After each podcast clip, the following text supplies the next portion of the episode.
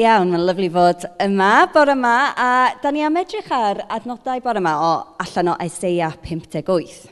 Ac um, dwi angen just cyn dechrau rhannu rhywbeth gyda chi. Oedd, um, pan oedd Arwel yn rhoi y, y rota pregethu yma at gilydd ber yw chwe mis yn ôl, dwi'n cofio pryd, a um, awgrymu allas a hein yr adnodau, so ni eisiau sbiar yn y, yn y, yn yr um, tro fi i pregethu, ac ar y pryd, o'n i feddwl, ia, dim problem, dwi'n cyfarwydd iawn gyda Isaiah 58, dwi wedi gweithio i TF Funders dros 15 mlynedd ddwan, mae adnodau fel hyn yn, yn rhan o DNA TF Fund, fydd o, fydd o ddim problem.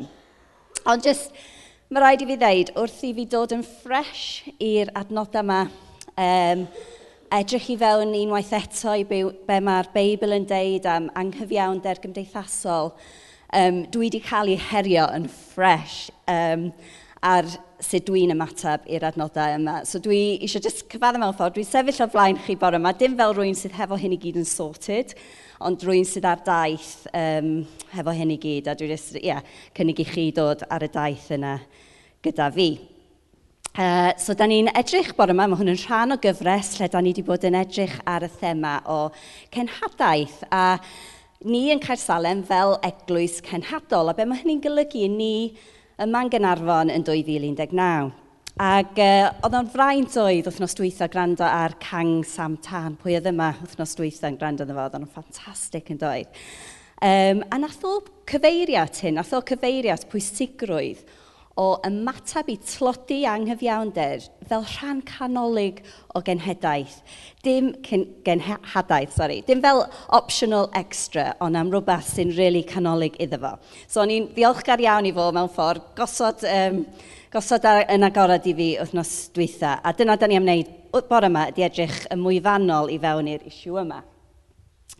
So, nawn ni cychwyn trwy dallan alla, dallan Isaiah 58. Um, da ni ddim am dallan o'i gyd, mae'n rhy hir, ond dwi'n annog chi fynd adra dallan o'i gyd, it's a good one.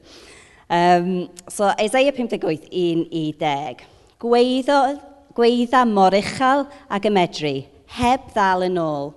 Cod dy lais fel sain corn hwrdd. Dweud wrth fy mhobol ei bod nhw wedi gwrth ryfela, ac wrth bobl Jacob ei bod nhw wedi pechu. Maen nhw'n troi ata i bob dydd ac yn awyddus i ddysgu am fy ffyrdd. Yn ôl pob golwg, maen nhw'n genedl sy'n gwneud y peth iawn ac sydd heb droi gefn ar ddysgeidiaeth ei dew. Maen nhw'n gofyn i mi am y ffordd iawn ac yn awyddus i glosio at ddew. Pam ydy ti ddim yn edrych pan oedden ni'n ymprydio, meddyn nhw? Pam oeddet ti ddim yn cymryd sylw pan oedden ni'n cosbi ei hunan? am eich bod chi'n ymprydio i blesio'ch hunan ac yn camdrin eich gweithwyr yr un pryd. Dych chi'n ymprydio i ffrio a ffistio. Dim dyna'r ffordd i ymprydio os ydych chi isio i ddiw gwrando. Ai dyma sut ymprydio dwi isio diwrnod pan mae pobl yn llwgu eu hunain ac yn plygu eu pennau fel planhigyn sy'n gwyno, gwywo. Sorry. Na, dyma'r math o'n prydiau dwi isio. Cael gwared a chadwyni angyfiawnder, datod rhaffau'r ia, a gollwng y rhai sy'n cael ei gormesu yn rhydd. Dryllio popeth sy'n rhoi baich ar bobl. Rhannu dy fwyd gyda'r newynog, rhoi lle i fyw i'r rhai tlawd sy'n ddigatref a rhoi dillad i rywun rwy ti'n ei weld yn noeth. Peidio ceisio osgoi gofalu am dy deulu. Wedyn bydd dy olau'n disgleirio fel y wawr, a byddi di'n cael dy adfer yn fian. Bydd dy gyfiawnder yn mynd o dy flaen di, a bydd ysblander yr arglwydd yn dy amddiffyn o'r tu ôl. Wedyn byddi di'n galw, a bydd yr arglwydd yn ymateb. Byddi'n gweu... gweiddi a bydd yn dweud dwi yma. Rhaid cael gwared ar iau sy'n gorthrymu, stopio pwyntio bus a siarad yn gas. Rhaid i ti wneud popeth fedri di helpu'r newynog a chwrdd ag anhenion y rhai sy'n ddioddau. Wedyn bydd dolau'n disgleirio yn y tywyllwch a bydd y dristwch yn troi'n olau fel canol dydd. Reit. So gair o gyflwyniad gyntaf i llyfr Eseia. So oedd yr roedd y dyn Eseia yn byw tua 700 mlynedd cyn enedigaeth Iesu Gris. A da ni'n dallan yn y Beibl fel dyn ifanc nath o sefyll yn y deml yn Jerusalem a clywed Dyw yn alw o i fod yn proffwyd. A galwad i mynd â neges Dyw i bobl Dyw oedd um, galwad o. A mae'r llyfr Ezeia, mae o'n llyfr hir, mae o'n llyfr gymleth. Um, ond O ran y prif thema, mae Eseia yn um, proffwydi am y newyddion da bod Dyw am gyrru um, a chibwr i'r byd. Mae lot o sôn yn, yn hynny um, am Iesu yn Eseia, dau, y saith gan mlynedd cyn iddo cael ei enni. Ond hefyd mae Eseia yn proffwyd sy'n galw pobl Dyw nôl i ffyddlondeb iddo ef. Ac um, mae hwnna'n thema mawr yn rhedeg trwyddo a dyna, dyna da ni'n edrych ar bore yma. So ben union sy'n mynd ymlaen yn yr adnodau da ni wedi darllen am? Wel, oedd y pobl yn, yn prydio, ffastio. Oedd nhw'n mynd heb, heb bwyd a, a maen nhw'n cwyno achos di ddew ddim yn gwrando ar nhw yn ei um, tradd nhw'n yn prydio, ddim yn ateb gweddi. A diw reit flin gyda, fo, gyda nhw. Yn yr hen testament, mae yna dipyn o sôn am ymprydio. Mae'r pobl dew yn ymprydio. Weithiau mae o rhan o galaru, weithiau mae o rhan o etifeirwch. Um, ond mae yna dim ond un lle yn y hen testament lle mae dew yn gorchmygu pobl i ymprydio. A mae hyn um, diwrnod Yom Kippur, a gawch chi dallan am hwnna'n Leviticus 23. Um, un diwrnod y flwyddyn, dathliad neu um, Iddewig Yom Kippur. Yn Saesneg, The Day of Atonement. Yn Gymraeg, Babel.net neu Badge, fel clywais yn uh, llanw Babel Arfon Jones. Um, diwrnod i wneud pethau'n hollol iawn rhwngddo chi a Dyw. So ddim cweith mor catchy, ond actually yn egluro fo'n dda iawn doedd yn tydi. Diwrnod i wneud pethau'n hollol iawn rhwngddo chi a Dyw. Ac uh, be oedd yn digwydd yn ystod y flwyddyn oedd yr Israeliaid i fod i fod yn ifydd i gyfraith moesol Dew. Ond roedd Dew yn gwybod sa hyn byth yn, byth yn gweithio. Fysyn nhw byth gallu cadw'r gyfraith nhw i hunan oherwydd eu pechoda nhw. Yn yr un ffordd sa ni ddim medru. Chos mae'r pechod ni yn greu gwahanfyr ydy bariau rhwng Dyw a ni. Da ni byth yn medru cadw'r gyfraith mewn ffordd sy'n neud ni'n gyfiawn o flaen Dyw. Ond mewn gras mae Dyw wedi delio gyda'n pechod ni. A yn yr Hen Testament, unwaith y flwyddyn, roedd yr arch offeiriad yn mynd i fewn i cysygyr y tabernacl a cynnig abeth gwaed um, a ni fel i wneud yn iawn y tôn am pechodau y bobl. A dyma oedd yn digwydd ar diwrnod Iom ac. Da ni byw ochr yma i'r groes a mae, mae Iesu wedi talu'r pris unwaith ac am byth do um, yr aberth gwaed uh, perffaith dros ni. So di hyn ddim yn digwydd dim mwy yn, uh, yn, yn byd ni, y byd Cresnogol. Ond dyma oedd yn digwydd. Ac um, i, i ddathlu Iom Cipo, oedd y pobl wedyn wel oedd Dyw yn galw y pobl i ymprydio, oedd y rhan o gyfraith nhw. A ddon, mae hwnna'n ymateb addas, oherwydd trwy ymprydio, roedden nhw'n dangos gostyngeirwydd o flaen Dyw, a dangos bod nhw wir yn credu neges Ion Cipo, hynny yw, bod da ni gyd yn pechaduriaid sydd wedi ein achub gan gras. Dyna oedden nhw'n cof dathlu Iom Cipor. Pechaduriaid wedi'n achub gan gras gras a oedd yn prydio rhywbeth oedd Dyw yn galw'r pobl i wneud oherwydd hynny. Um, Ond mae Tim Keller, dwi jyst eisiau sôn am y llyfr yma, Tim Keller, Generous Justice, dwi wedi defnyddio hwn yn fawr yn paratoi am heddiw, llyfr gwych. Um, a mae Tim Keller yn deud hyn am beth sydd digwydd yn fama. God sees economically comfortable people abstaining from food, going without for a day or two, but not being willing to abstain from exploiting their workers. Though they demonstrate the external sign of belief in grace, fasting, their lives reveal that their hearts have not been changed. A mae o'n mynd ymlaen i dweud, a mae hwn yn heriol iawn. People changed by grace should go, as it were, on a permanent fast – Self indulgence and materialism should be given up and replaced by a sacrificial lifestyle of giving to those in need. What is this permanent fast? It is to work against injustice, to share food, clothing, and home with the hungry and the homeless.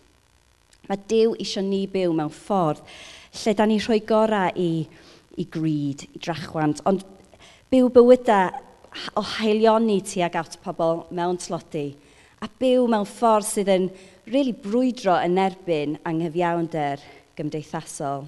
A mae pobl mae Eseia yn siarad gyda, maen nhw'n gwneud y pethau crefyddol iawn, a yn allanol maen nhw'n gwneud y pethau iawn. Ond, ond maen nhw'n dilyn rheolau, ond ydy Dyw dim eisiau ni dilyn rheolau heb ein calona ni bod yn y lle iawn. Oedden nhw, mae Isaiah yn deud, yn prydio i ffrio a ffistio ac am drin ei gweithwyr. A mae Dyw yn deud mewn ffordd, dwi'n eisiau crefydd chi. Actually, dwi isio calonau chi. Dwi eisiau calonau sydd wedi newid gan gras fi. A mae yna adnodau um, debyg yn llyfr Amos, uh, Amos 5.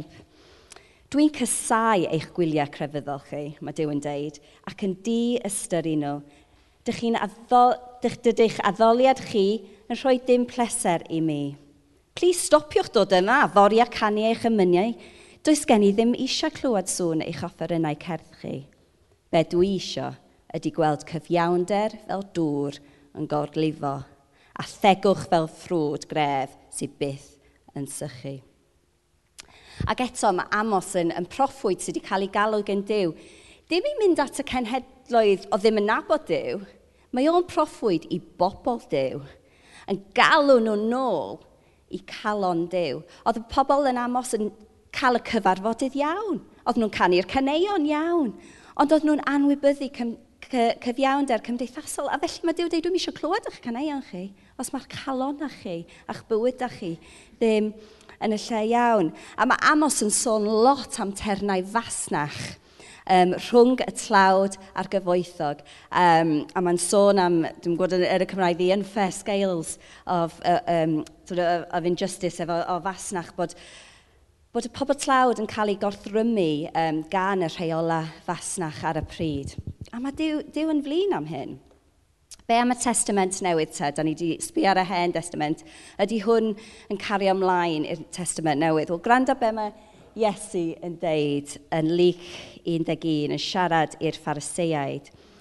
Gwai chi'r phariseiaid, da chi'n ofalus iawn gyda rhyw fanion fel rhoi un rhan o ddeg o beth, da chi'n, uh, o beth sydd gennych chi ddew, hyd yn oed eich, mintus. Mae yna llun o mint fyny fan yna. Arianllus a'ch perllysiau eraill, ond da chi'n esgeuluso byw yn gyfiawn a charu dew. Dylech gwneud y pethau pwysicach yma heb ddiystyrau y pethau eraill. So mae'r pharisiaid yn obsesif iawn am y degwm, y taidd, o'r rhoi un rhan o deg o bob dim i dew. Ond anghofio am gyfiawnder. A be da ni gweld yn Eseia ac Amos a Lyc a sawl lle arall yn y Beibl, ydy dim bod Dyw deud i ni ddim yn prydio na canu, na rhoi, Dio ddim yn deud bod heina ddim yn bwysig, wrth gwrs dydio ddim. Da ni'n gwybod bod heina yn pethau cal, canolig iawn hefyd, ond mae o'n deud y peth mwyaf bwysig ydy bod calon a ni yn iawn o flaen Dyw, bod da ni'n mewn perthynas gyda Dyw, da ni'n nabod o a da ni'n nabod i galon o. A pan da ni'n nabod i galon o, mae hwnna'n troi um, newid ni. So beth sydd ar calon Dyw? Wel, da ni wedi clywed rhai adnodau fama am y pwysigrwydd o cyfiawnder, ond jyst i rhoi overview o'r, or Beibl i gyd ar hyn.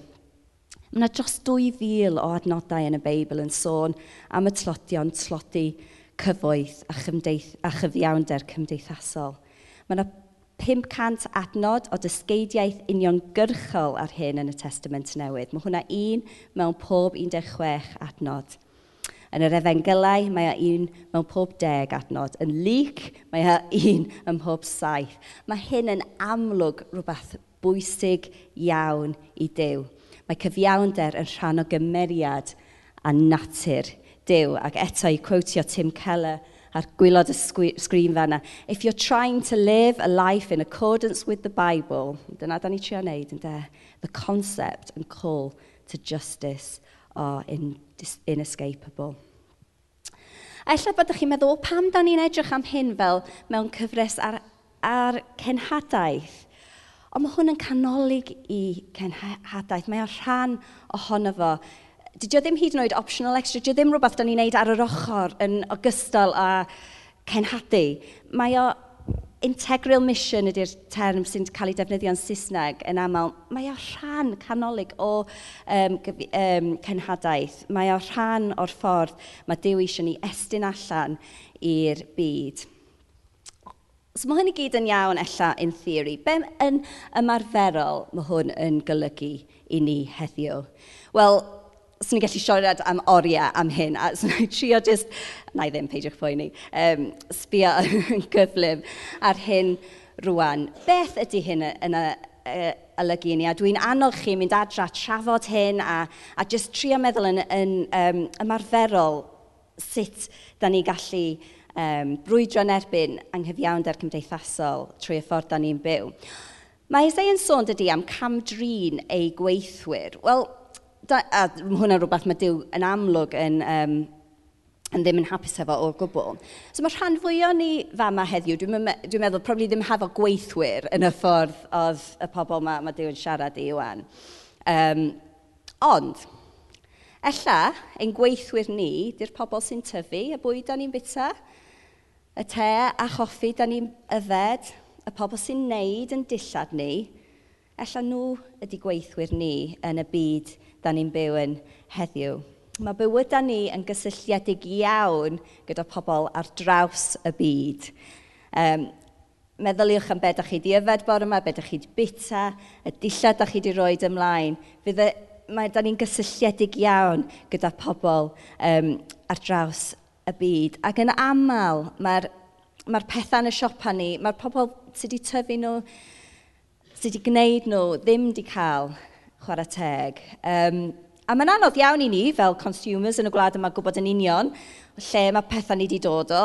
Mae o'n gymleth, dwi'n dwi, deud hynna up front. Ond, mae'n un peth, y um, fasnach teg, y banner fair trade yna, mae hwnna ar dipyn o fwydydd o'n. A he, mae bwydydd a diodydd a dillad hefo'r um, marc yna yn golygu bod y pobl sydd wedi gwneud nhw, y pobl sydd wedi tyfu'r gynnar, wedi cael chwarae teg, wedi cael pris teg, a mwy bwysig mewn ffordd, wedi cael termau fasnach teg um, yn y ffordd maen nhw'n ma nhw uh, gwerthu a, uh, i, i fasnach nhw.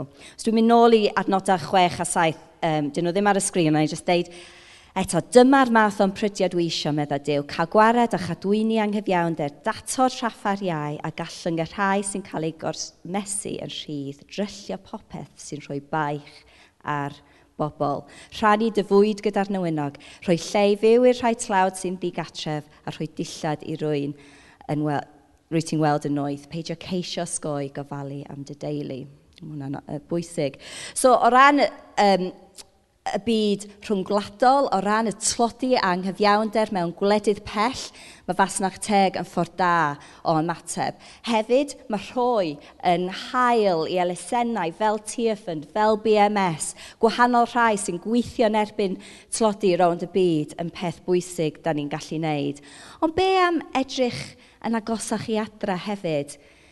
Dwi wedi rhoi rhai cwestiynau i fyny ar y sgrin. Sut da ni'n trin ei ffrindiau, teuluoedd a dieithriaid?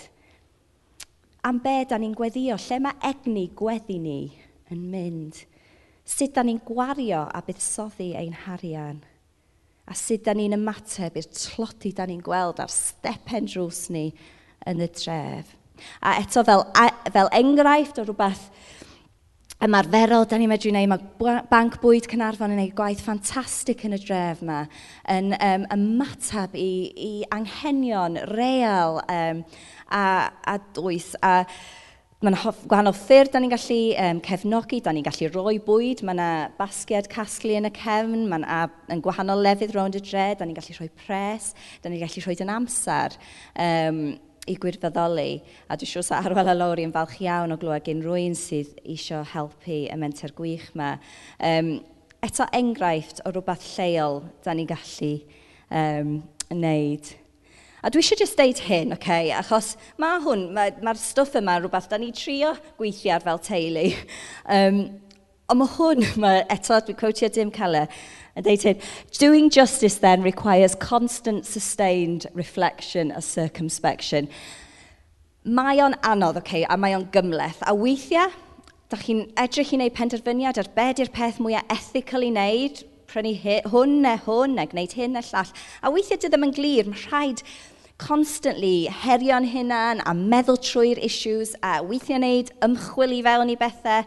Um, dydio ddim yn syml, ond dwi'n meddwl bod o'n galwad ar bywydau ni. A um, mae rhywbeth i ni reslo gyda, be di'r peth iawn, ydy o'n iawn i ni gwario mwy ar hyn? You know, mae pethau mae'n anodd, ond siaradwch gyda'ch gilydd yn y grwpiau tŷ. Um, a fi a Martin wastad uh, i fyny am chat am be di'r peth mwyaf ethical ni'n neud yn hyn. Dewch i weld ni, um, a fedrwn ni um, sort of gweithio trwy reslo'r pethau yma um, gyda'n gilydd. Ond dwi caru'r adnodau yma yn Isaiah, achos mae hwn gallu teimlo'n drwm, dydy, a mae'n gallu teimlo, oh my goodness, dwi just yn methu o hyd, a oh, di Tesco's Cynarfon ddim yn gwerthu te gyda, fan ar fasach te arno fo, oh, you know, mae'n just gallu mynd yn drwm iawn. Ond mae Isaiah yn deud hyn, Ar ôl siarad am beth ydy yn prydiogol iawn yn, yn Llygad Dyw, mae'n deud, wedyn bydd dy olau'n disgleirio fel y wawr a byddai'n cael dy adfer yn fian. Bydd dy gyfiawnder yn mynd o dy flaen di a bydd y sblander yr arglwydd yn damddiffyn o'r tu ôl. Wedyn, byddi'n galw a bydd yr arglwydd yn ymateb. Byddi'n gweiddi a bydd e'n dweud, dwi yma. Mae byw bywyd o gyfiawnder yn peth da a mae Dyw yn bendithio hynny. Mae bywydau ni yn gleio i fyny pan da ni'n estyn arall allan i helpu eraill. A mae hwn rhywbeth da ni'n gweld yn y Beibl, a mae'n bach o paradox mewn ffordd, ond mae'r Beibl yn deud da ni'n cael ein, ein bendithio drwy hunan ymwadiad. Da ni'n derbyn trwy roi. Eto, cwpl o adnodau arall o'r Testament Newydd. Lug naw. Y rhai sy'n barod i ollwng gafal ar ei bywyd er fy mwyn i yn diogalu bywyd go iawn. Ac os gwnewch roi, byddwch yn derbyn. Cewch lawer iawn mwy yn ôl wedi wasgu lawr a'i ysgwyd i wneud lle i fwy. Bydd yn gorlifo y mesur dych chi'n ei ddefnyddio, defnyddio i roi, fydd yn cael ei ddefnyddio i roi nôl i chi. Mae yna bendith mewn haelioni, mae yna bendith pan da ni yn um, a berthu er mwyn eraill. Dyna, dyna mae'r Beibl yn deud. Mynd nôl i'r llun neis yna. A felly i gloi, dwi eisiau gwneud hyn yn glir. Dydy hyn ddim am ennill cariad Dyw, oce? Okay? Mae, mae Dyw yn caru ni. A sdim byd da ni gallu gwneud i wneud o caru ni mwy na'n llai. Mae cariad Dyw yn, yn gadar.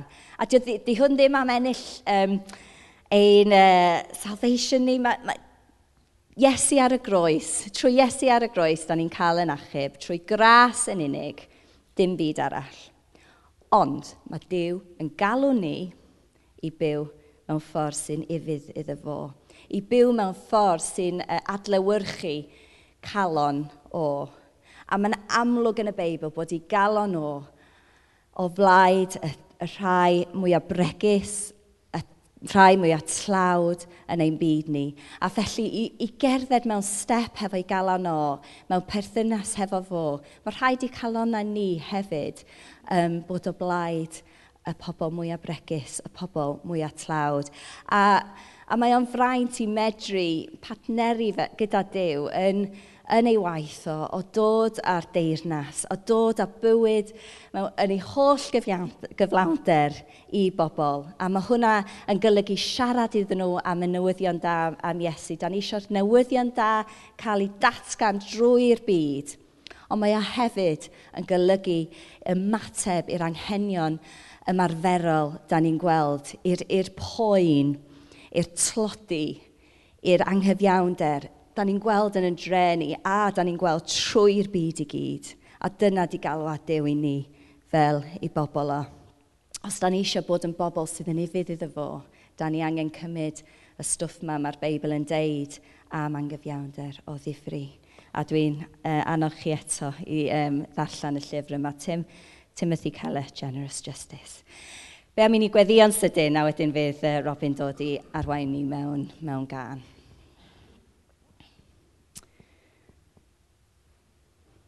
o Dyw, dwi yn gweddio, fyddi di'n helpu fi a helpu ni i ymateb yn iawn i'r pethau yma wyt ti'n deud am um, rhoi dein bywyda ni um, er mwyn eraill i, i brwydro yn erbyn angyfiawnder gymdeithasol yn y byd yma i ymateb i'r anghenion um, pobl tlawd, pobl bregus um, y pobl lleia mewn ffordd yn byd ni.